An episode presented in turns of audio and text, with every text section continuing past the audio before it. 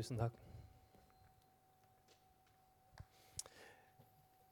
Den dagen du og jeg er eh, hjemme og fremme eh, i himmelen, så vil vi bl.a. være der med styrken fra det måltidet som vi vil få fra denne forkynnelsen som kommer i dag. Det vil være en av de tingene som bygger og gir den maten som vi trenger for å nå frem til vårt mål.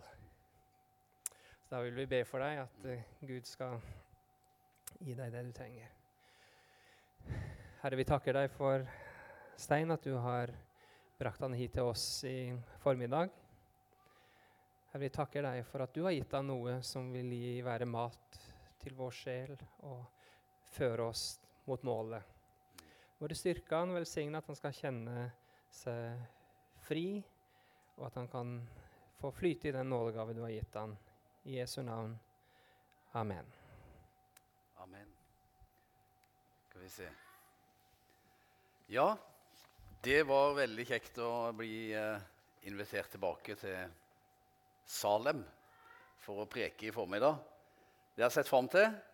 Eh, og eh, jeg har lyst til å starte med å lese noen vers fra Kolosserbrevet som som har vært egentlig sentrale i min, eh, i min tjeneste. Eh, og de har jeg jo da jeg har altså lånt dem av, av, Paulus. Jeg tror de var sentrale for han òg, for han skriver i Kolossebrevet kapittel 1 og vers 25 eh, og noen få vers fram. Jeg er blitt en tjener for Kirken i kraft av den forvalteroppgaven Gud har gitt meg hos dere og fullføre tjenesten med Guds ord.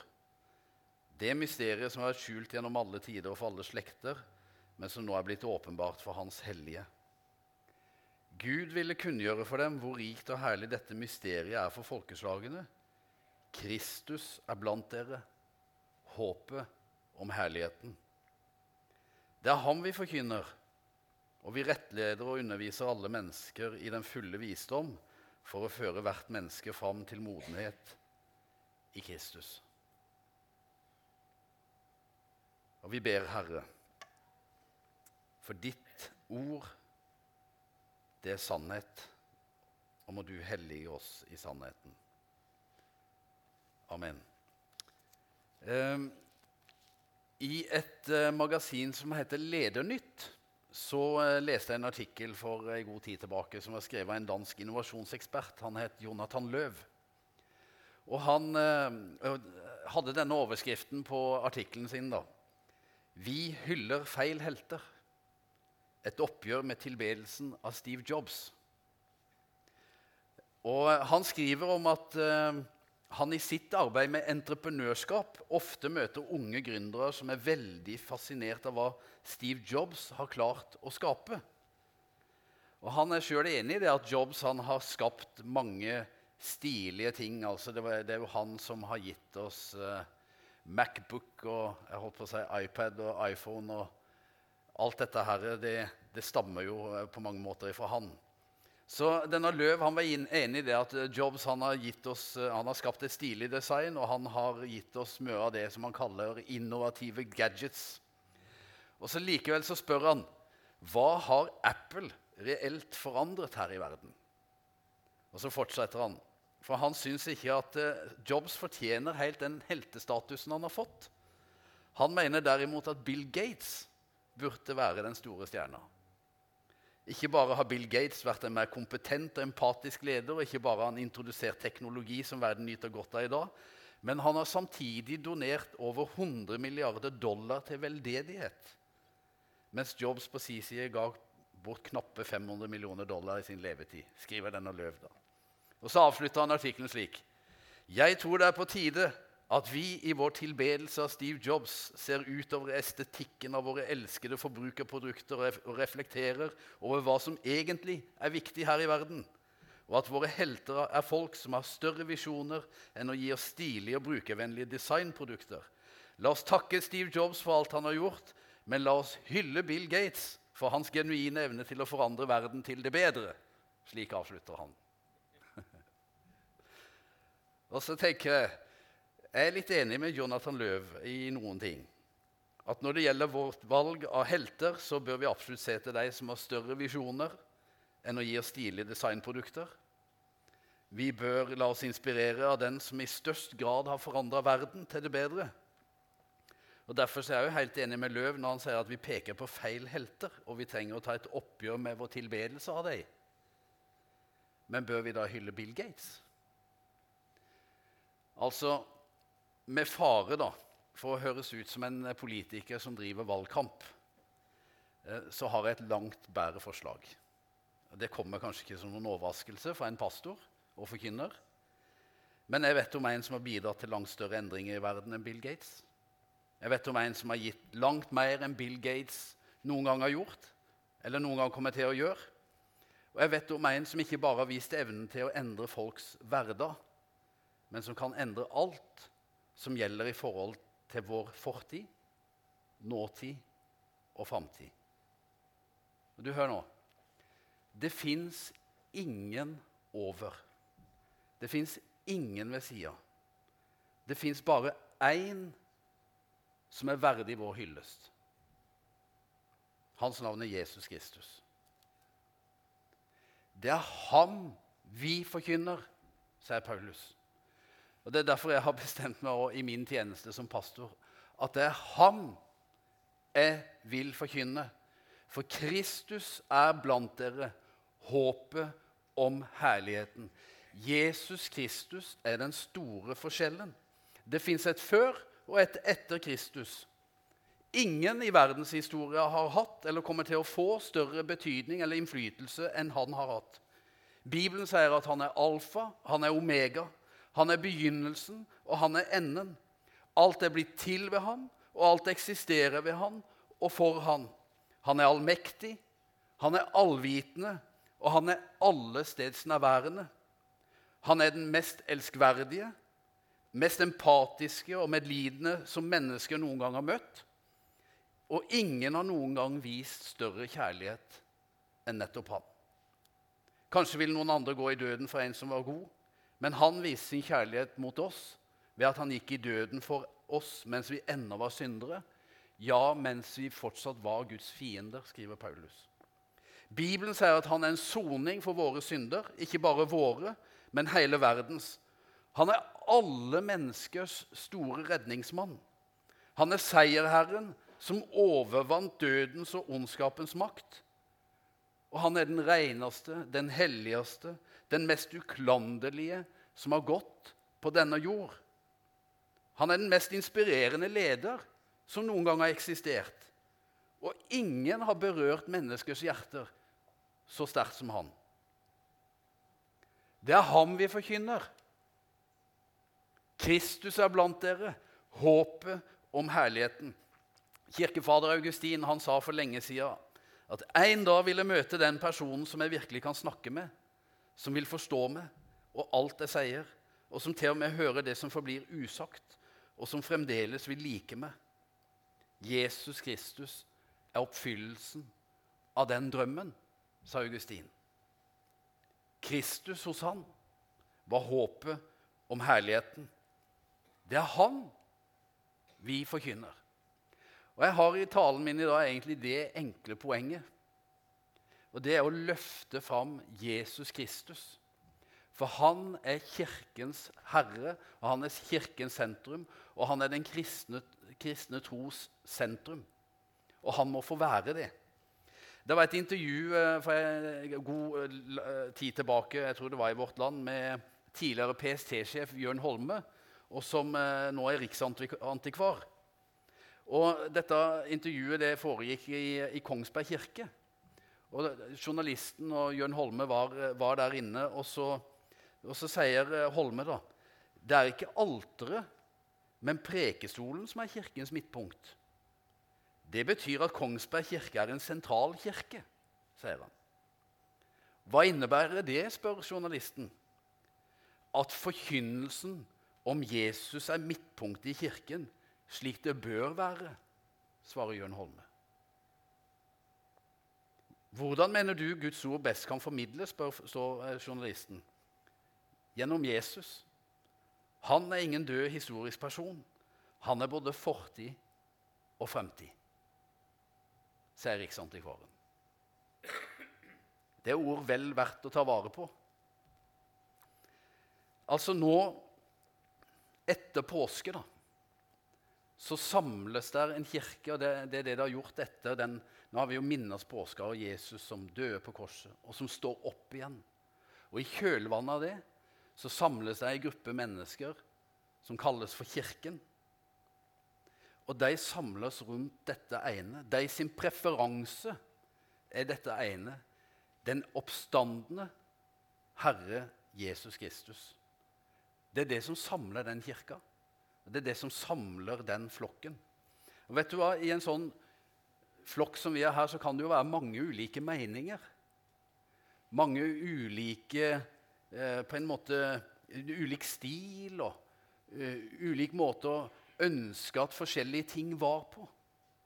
Men det som skal kjennetegne oss som kirke, det er dette at Jesus, han er vår preferanse. Han er vårt førstevalg. Det er han som er i sentrum for alt det vi gjør. Han er nok for oss. Vi trenger ikke noe mer, egentlig. Samme hva situasjonen måtte være. Så er Jesus nok for deg, han er nok for meg, og han er nok for kirka vår. Og han er nok for Salem misjonsmenighet à la 2017. For noen år siden så besøkte jeg North Point Community Church i Atlanta i USA. og Det er en sånn svær menighet. Og jeg vet Noen her eh, drar av og til på besøk til en eh, menighet borte i Amerika som heter Eaglebrook. og Den tror jeg nå er enda større enn det jeg hørte på første påskedag. At de hadde samla 51 000 eller noe sånt til, til, gudstjenester. Det er voldsomme tall. Når vi var i denne North Point Community Church, så var det en menighet som samla 24 000 mennesker til gudstjenester sånn hver helg. Det var velorganisert, veldig high-tech. Og når vi var der borte, så holdt de på med å eh, prosjektere et nytt toplanskryss ute på, ved motorveien, det skulle lette avkjørselen inn til, til menighetens område. Um, og de hadde 3000 frivillige i barnearbeidet. Og jeg gikk rundt der og så tenkte altså På den tida da, så var vi i Ytre Andesund misjonskirke, der som jeg er pastor. Vi var en ny sånn liten menighetsplante. En liten gjeng som møtte oss på en skole. Det gjør vi for så vidt ennå, men uh, den gjengen har blitt litt større. Uh, på Holte skole. Men jeg gikk rundt der borte i Atlanta og så tenkte jeg litt sånn Om vi bare Tenk om, liksom. Om vi bare hadde hatt sånn og sånn. Da. Om vi hadde hatt slik med ledere og om vi hadde hatt et sånt kirkebygg, et sånt lydanlegg. Et sånn veikryss, ja. vi har ei rundkjøring ute ved Fidjåsen. da. Der setter vi opp skilt hver søndag når vi har gudstjeneste. Så vi bruker den for det, for det den er verdt. altså. Men, men eh, vi har ikke bygd den sjøl, da. Eller betalt for den. Men om vi bare, liksom Tenker du sånn av og til? Men så leste jeg i Bibelen igjen, da. Og så så jeg at eh, Men Paulus han hadde jo heller ikke topalanskryss eller noe voldsomt eh, lydanlegg eller kirkebygg eller svært med PR-materiell og alle mulige sånne ting. Og så kikka jeg litt mer rundt meg, og så så jeg at rundt forbi verden så fins det andre kristne menigheter som samles på skoler og i kafeer og på restauranter. og Noen samles til og med i jordhytter, i skur og i kjellere. Og I 20. juli i Colombia, i Barranquilla, der jeg har vært uh, ute som misjonær, så samla vi menigheten under et tre. Det funka, det òg. Og mennesker ble møtt av Jesus Kristus. Altså, Jeg husker uh, i, i, 20. juli Eva som opplevde å møte, møte Jesus der. Hun bodde i et uh, lite skur nede i ei dump i bydelen. Hun hadde et par vegger som var bygd av murstein, resten var av papp. Og Hun ble en av lederne i menigheten fikk møte Jesus. For Kristus var der blant denne flokken som samles under dette her treet. Vi bar jo ut noen stoler ifra et, det, Vi fikk lov å, å samle dem hjemme hos en av de som bodde rett i nærheten. Og så dro vi ut alle stolene og lina opp rundt dette treet. Og der var menigheten. Og så ble folk møtt av Gud. Jesus Kristus var der. Og det holdt, det. Og så ble hun Eva husker ble, hun ble jo møtt av Gud. Jeg husker så godt en gudstjeneste som hun, hun reiste seg opp for å vitne om det hun hadde erfart. Og så visste vi jo det, Hun bodde der i denne unnskyld meg, men rønna si. Og I Colombia så var det sånn at uh, de ulike nabolagene var delt inn i sånne De, de hadde nærmest en sånn rating på, på nabolagene sånn uh, som de kalte for estratos. Og Der du hadde liksom nivå 1 og 2 og 3 og 4 og 5 og 6. Og Jeg bodde jo på noe sånn nivå fem eller noe sånt etter hvert. I, starten var jeg på nivå tre, og så steg vi litt i gradene, Jon Arne og meg, for vi fikk lov å overta huset etter noen andre misjonærer. Men, men hun, Eva da, hun var jo helt der nede på nivå én, liksom. Men så sto hun og vitna i gudstjenesten. Og så hadde hun fått dette håpet planta i hjertet sitt av den oppstandende Jesus Kristus. Og så, så ropte hun, sto på stolen og ropte ut at eh, en dag så skal jeg komme hjem der. For det, det er ikke strato uno eller dos, altså én eller to eller tres eller cuatro eller cinco eller seis. Det var ikke strato seis engang, men estrato divino. Da skulle det være guddommelig standard på forholdene, og hun var helt i ekstase. Det skjedde der i dette miljøet. For Kristus var der.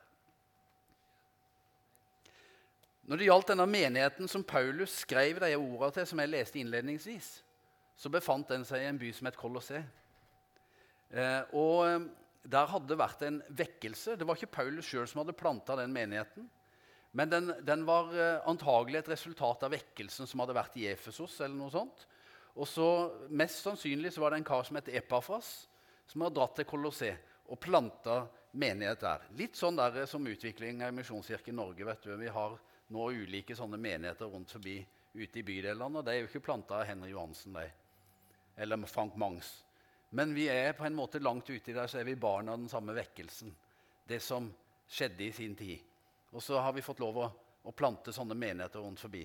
Og det hadde skjedd gode ting i, i da. De hadde fått møte Jesus Kristus. Men så skjønte Paulus når han skriver dette brevet til deg, men det er fare på ferde. For Han sa vi har hørt om deres tro på Kristus og den kjærlighet dere har til alle de hellige.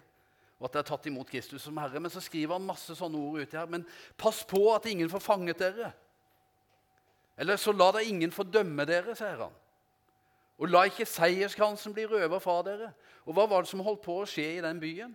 Jo, det hadde sneket seg ting inn i menigheten og inn i kirka. Den ene retningen det var sånn der eh, overåndelighet representert ved, ved, det vi kaller for gnostikerne. Som hadde noe eh, veldig sære greier og sånt som de underviste folk.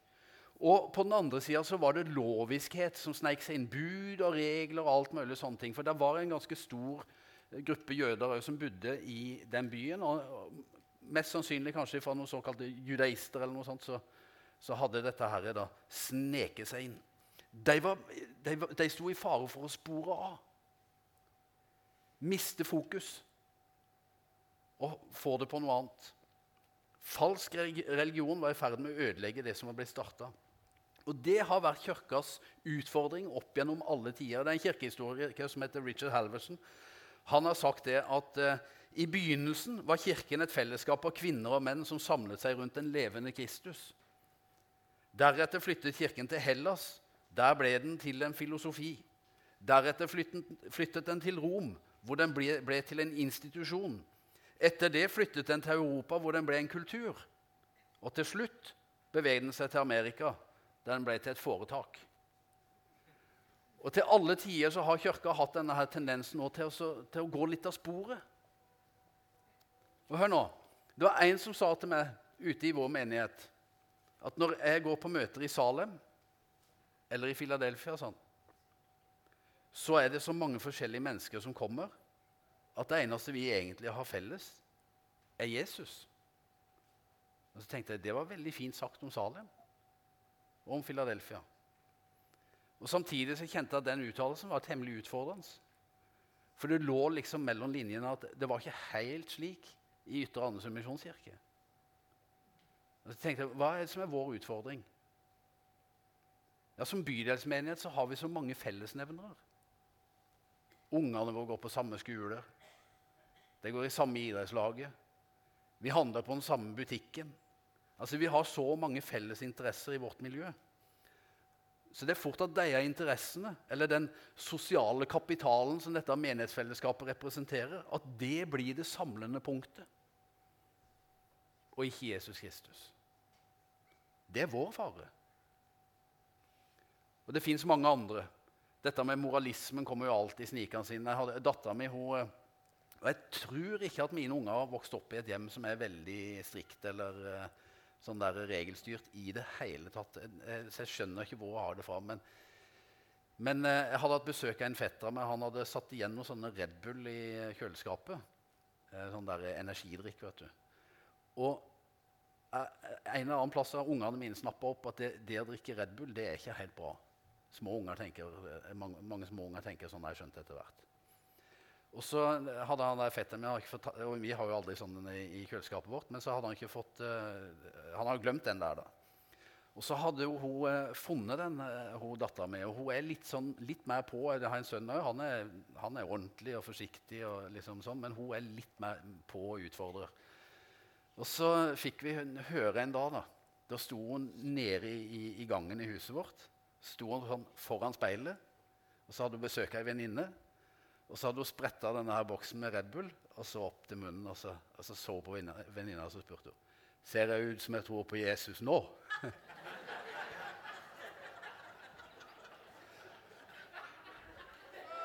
så liksom det å bryte en eller annen sånn der liten regel og det å tro på Jesus, det gikk iallfall ikke helt i hop. Det er noe med denne her moralismen vet du, som bare den, den sniker seg inn alle veier. Kommer veldig fort. En annen ting er at det, det, det kan fort ende opp i, eh, med, med, ulike filosofier og ting og tang i kirkene våre, eller bare religiøs underholdning. Det fortelles i Amerika om en, eh, en veldig po populær forkynner som het Henry Ward Beecher. Eh, som, eh, og En søndag så hadde han eh, overlatt talerstolen eh, til, til, sin bror. Og Da var det mange som kom på gudstjeneste, som var, var litt skuffa når de oppdaga det, at det var, det, var, det var, broren til Henry som skulle preke, og ikke Henry sjøl. Og, og, noen eh, reiste seg liksom og begynte å gå mot utgangen. og, og, og sånne ting. Og da reiste denne her markante eh, predikanten seg opp, og så ropte han utover forsamlinga. Alle som kom hit i dag for å tilbe Henry Ward Beecher, kan nå forlate salen. De som har kommet for å tilbe Gud, kan bli sittende. Men det, det er fort gjort, det. Altså At fokus rettes mot noe annet. Og noen andre enn han som skal tilbes. At vi beundrer den som forkynner, mer enn han som er ordet. At vi elsker lovsangen mer enn han som sitter på tronen. At vi blir mer opptatt av å sammenligne oss med hverandre enn å feste blikket på troens opphavsmann og fullender. Veldig fort gjort å spore av litt. Jeg har tenkt på en annen ting òg. At sjøl det, det, å vie livet sitt liksom, til en god sak kan bli en avsporing. Det kan være klima og miljø, fattigdomsbekjempelse, kreftsaken, dyrevelferd, idrett, likestilling osv. Altså, det kan være mange kampsaker eller mange ting vi kan bli veldig opptatt av. Og saken blir vår Gud. Men vet, Gud han er ingen sak. Og Gud kan eller skal heller ikke knyttes til én bestemt sak. For Gud er en person. Jesus Kristus er mer enn en sak. Men han er en som du kan kjenne, en du kan elske, en du kan erfare, og som du kan gjøre til herre og ta imot i livet ditt. Og Derfor så utfordres ikke vi først og fremst på å kjempe for ulike saker. Men vi utfordres vi til å velge Han og til å følge Han i ett og alt. Og Det er til og med fullt mulig å tjene på en måte den guden som heter fulltidstjeneste i Guds rike. Uten egentlig å legge vekt på relasjonen til han det egentlig handler om. Og det er fullt mulig å tjene den guden som heter et respektabelt moralsk og religiøst liv, uten egentlig å kjenne den sanne Gud.